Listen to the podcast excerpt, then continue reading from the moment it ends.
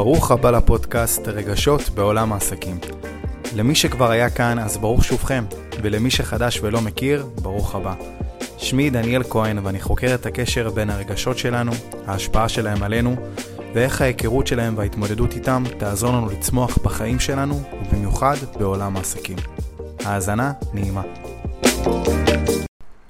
אז מה שאני רוצה לדבר עליו היום זה על תחושת המועקה שיש לנו במהלך היום בעבודה.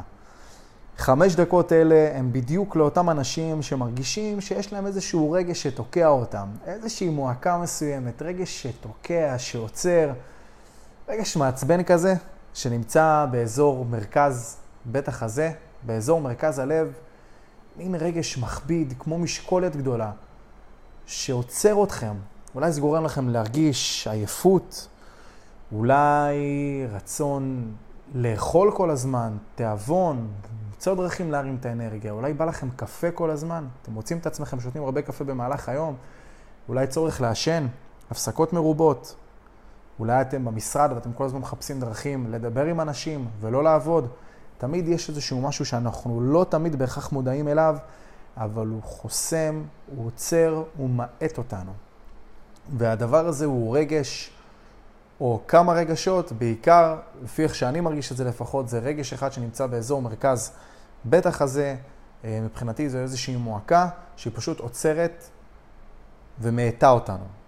עכשיו, המועקה הזאת יכולה להגיע ממספר סיבות.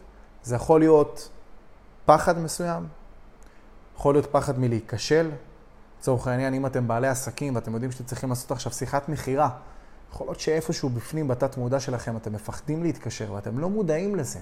אבל הפחד מהשיחה הזאת הוא משהו שעוצר אתכם. יכול להיות שיש לכם איזושהי שגרת חיים מסוימת שהיא לא בריאה עבורכם.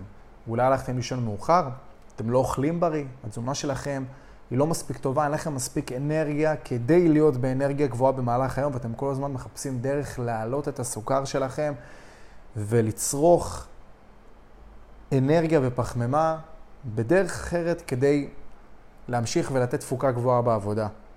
אולי יש לכם ריבוי משימות ואתם לא יודעים מאיפה להתחיל. יכולות להיות המון המון המון המון סיבות. מה שאני רוצה שתבינו והמסר המהותי של החמש דקות הקצרות האלה זה דבר אחד. מודעות. הבסיס להכל זה קודם כל להיות מודע. מה אני מרגיש? ואחרי שאני מבין מה אני מרגיש, ממה זה נובע? מאיפה זה בא? מאיפה הרגש הזה מגיע? איך אנחנו מבינים את הדברים האלה? קודם כל, לפני שאני אדבר רגע על איך מבינים את הדברים האלה, אני אסביר למה זה חשוב. ברגע שתהיו מודעים למה גורם לכם להרגיש את הרגש הזה, וזה יכול להיות תבנית מחשבתית מסוימת, יכול להיות פחד, זה יכול להיות כל מיני מחשבות כאלה ואחרות שאתם מכניסים לעצמכם בראש, שבעצם גורמים לכם להימנע מאותן פעולות שאתם צריכים לעשות. סליחה. אז בקיצור, מה שאני אומר זה שקודם כל חשוב להיות מודע. עצם זה שתהיו מודעים ייתן לכם 50% מהדרך לפתרון. אחרי שתהיו מודעים, אתם... נדבר הלאה על מה צריך לעשות. אז איך בכלל אנחנו יכולים להיות יותר מודעים לרגש שלנו ולמה שמעכב אותנו? אז יש כמה דרכים. דרך ראשונה, אם אתם במשרד, אני חושב שהדבר הכי נוח שיהיה זה לפתוח קובץ וורד נקי, חדש, מסמך, או סתם בקבוצה עם עצמכם בוואטסאפ, ופשוט להתחיל לרשום. בפרי סטייל. כל מה שעולה מבורך. אל תשפטו את עצמכם, תרשמו בדרך הכי חופשייה שיכולה להיות. מה אני מרגיש? מה אני חווה כרגע? ואתם מקלידים ואתם אומרים לעצמכם, אני מרגיש עייף, אני מרגיש שאין לי כוח, אני מרגיש קושי, אני מרגיש מועקה, אני מרגיש שבא לי לעשן, אני מרגיש שבא לי לישון. קודם כל תבינו מה אתם מרגישים. דבר ראשון, שימו את זה על הדף. הכתיבה היא כלי סופר משמעותי.